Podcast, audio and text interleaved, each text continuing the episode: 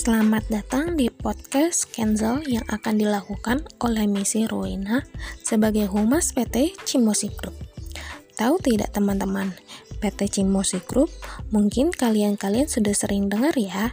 Nah, di sini saya ingin memberitahukan bagaimana Kenzel ini terbentuk dari PT Cimosi. Cimosi Group adalah satu perusahaan susu terbuka yang ada di Indonesia berawal dari keinginan pendiri perusahaan untuk memberikan ladang rezeki ke peternak sapi. Cimosi berkembang pesat dan mampu menjajakan beragam produk susu ke konsumen setianya di seluruh penjuru Indonesia.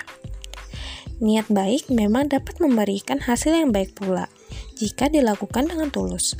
Oleh karenanya, memiliki cerita di balik pendiri perusahaan, Cimosi ini cukup menarik untuk dilakukan.